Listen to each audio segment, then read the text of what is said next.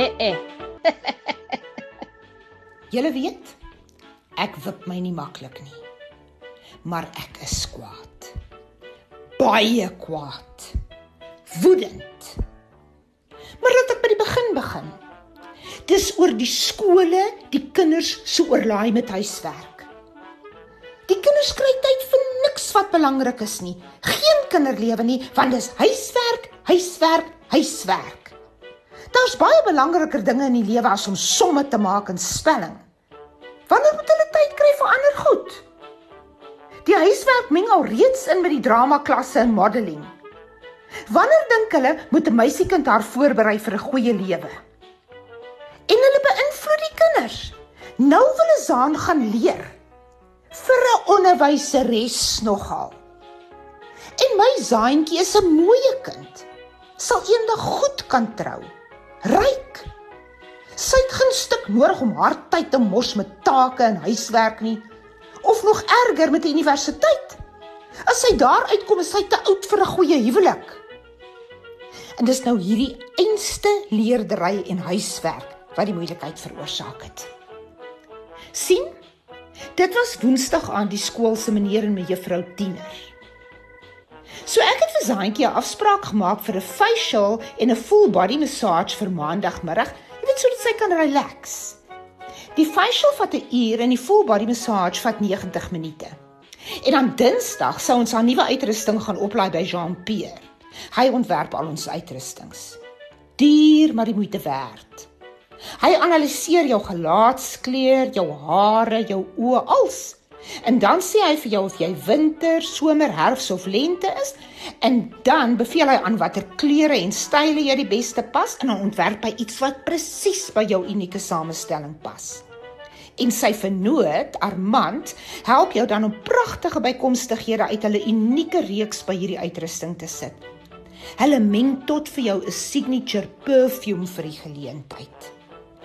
Die twee is nou vir jou twee eerste klas manne. Koppe vir besigheid. Trek 'n bietjie uitspattig aan. Maar hulle konsentreer seker so op hulle kliënte se uitrustings dat hulle nie veel tyd het om hulle eie klerekasse bietjie reg te ruk nie. Dra partykeer sommer sulke losserige broeke met blommetjies op. In Jean-Pierre het baie keer 'n T-shirt aan waarvan die nek seker 'n bietjie te groot is want die hang sommer so oor die arm dat sy hele skouer uitsteek. Maar ag, dis nou niks wat 'n goeie vrou daarom nou nie eendag sal kan regryk nie. Dis nou te sê wanneer hulle nou eendag tot trou kom. Lyk nie of een van die twee haastig is om vrou te vat nie. Anyway, ek dwaal nou weer af oor wat my so die hoenders ingemaak het. So sê Zaantjie vir my, sy kan nie na die facial and body massage toe gaan nie, sy het 'n taak om klaar te maak. Ek sê die taak kan wag tot na die kompetisie. Sy sê dit kan nie wag nie en sy wil anyway nie deelneem nie. Dis ek wat haar daarin forceer. Ekskuus vir my? Ek? En dis die een woord op die ander in sy storm haar slaapkamer binne, slaan die deur toe en daar sluit sy vir haar toe vir die hele middag. Ek soebat en praat mooi, ek dreig niks help nie. Sy sê net: "Ma, los dit, ek gaan nie. Ek doen my taak." Nou ja, So mis ons toe die afspraak.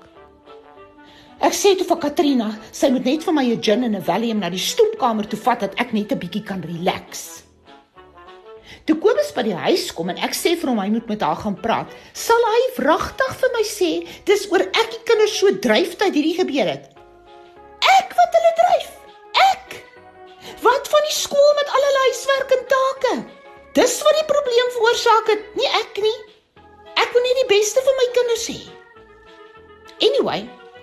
gaan klop toe en sy maak toe vir hom die deur oop. En wat hulle daar binne gepraat het, weet ek nie, maar sy kom toe darm naderhand uit vir aandete. O, dik gehuil deur die middag. Maar die taak is klaar. In die tas vir Dinsdagoggend. Maar sy staan vas, sy neem nie deel nie. En toe ek iets wil sê, bulder Kobus, "Vrou, dis nou genoeg." Nou ja, Die rok lê nog daar by Jean-Pierre. So waste. Die flippende skole wat die kinders so oorlaai. Ek is so kwaad.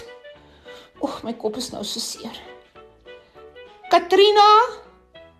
Katrina?